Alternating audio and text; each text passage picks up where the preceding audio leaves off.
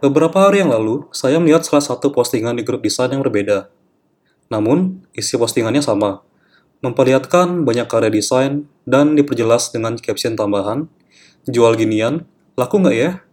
Jadi postingan yang dimaksud adalah desain ataupun ilustrasi yang dibuat oleh orang-orang yang mencoba untuk mencari keuntungan di dunia desain dengan cara menanyakan terlebih dahulu ke anggota grup atau komunitas apakah desain yang sudah dibuat layak atau menarik untuk didagangkan. Sebenarnya, di dunia ini tidak ada yang tidak laku, semuanya punya masing-masing alasan. Barang atau jasa yang ingin didagangkan bisa laku. Jadi, beberapa bulan yang lalu, saya sempat menonton stand-up komedi Panji Pragiwaksono. Kalau tidak salah, eh, materi stand-up-nya yang bawakan adalah souvenir kotoran gajah yang sudah dipadatkan dan ditempatkan di dalam gelas kaca. Dan souvenir seperti kotoran pun bisa terjual bahkan saat laku untuk sebagian orang.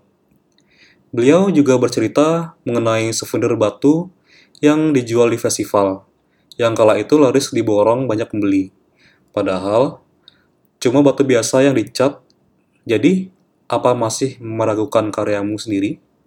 Barangkali dari cerita dan pengalaman Bang Panji di atas, sebenarnya ada beberapa hal atau faktor yang mempengaruhi laku atau tidaknya sebuah barang atau jasa. Berikut faktor-faktornya. Yang pertama adalah narasi. Maksud di sini adalah narasi atau cerita dari barang atau jasa yang diperdagangkan. Misalnya, jika ingin berjualan jasa desain, cobalah untuk menjabarkan manfaat-manfaat dan sedikit bercerita mengenai desain tersebut. Misalnya, saya sebagai desainer yang membuat kado face painting untuk pacar atau lain-lain. Jadi, dengan menggunakan jasa face painting saya, sudah terbukti banyak yang sudah jadian atau hubungan makin lengket dan ingin order lagi. Untuk dibagikan kepada orang tua atau kerabat agar bisa membuat semua orang senang. Nah, itu tadi contoh dari penggunaan narasi dari desainer face painting. Sebenarnya, bisa dipanjangkan lagi atau dikembangkan lagi narasinya agar menciptakan empati di antara pembeli dan berpeluang untuk laku di pasar. Kemudian yang kedua, diferensiasi dan inovasi.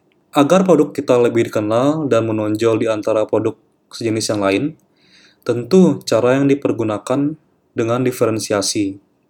Misalnya, menambahkan faktor pembeda seperti jika dalam dunia ilustrasi sudah sangat banyak menggunakan style yang umum digunakan, Nah, kali ini cobalah untuk membuat style gambar sendiri dengan warna-warna pastel atau vintage agar bisa stand out di antara produk yang lain.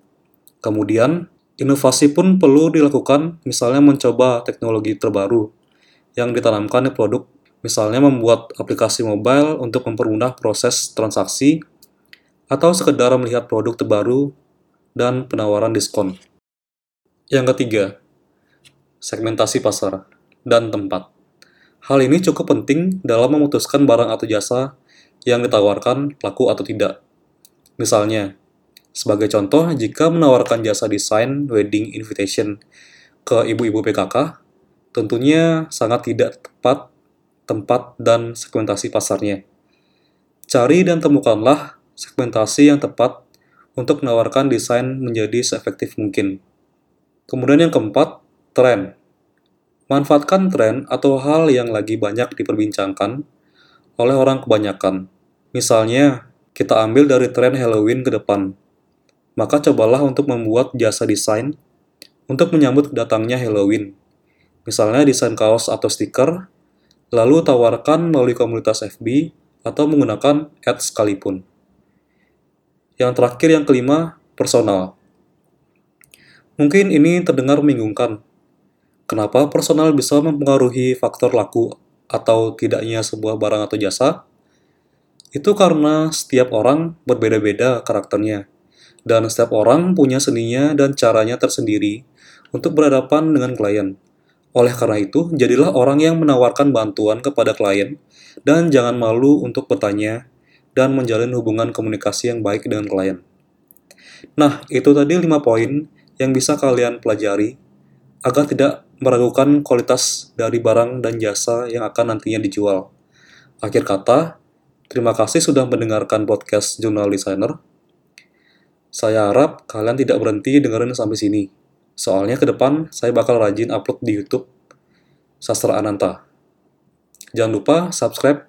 Terima kasih.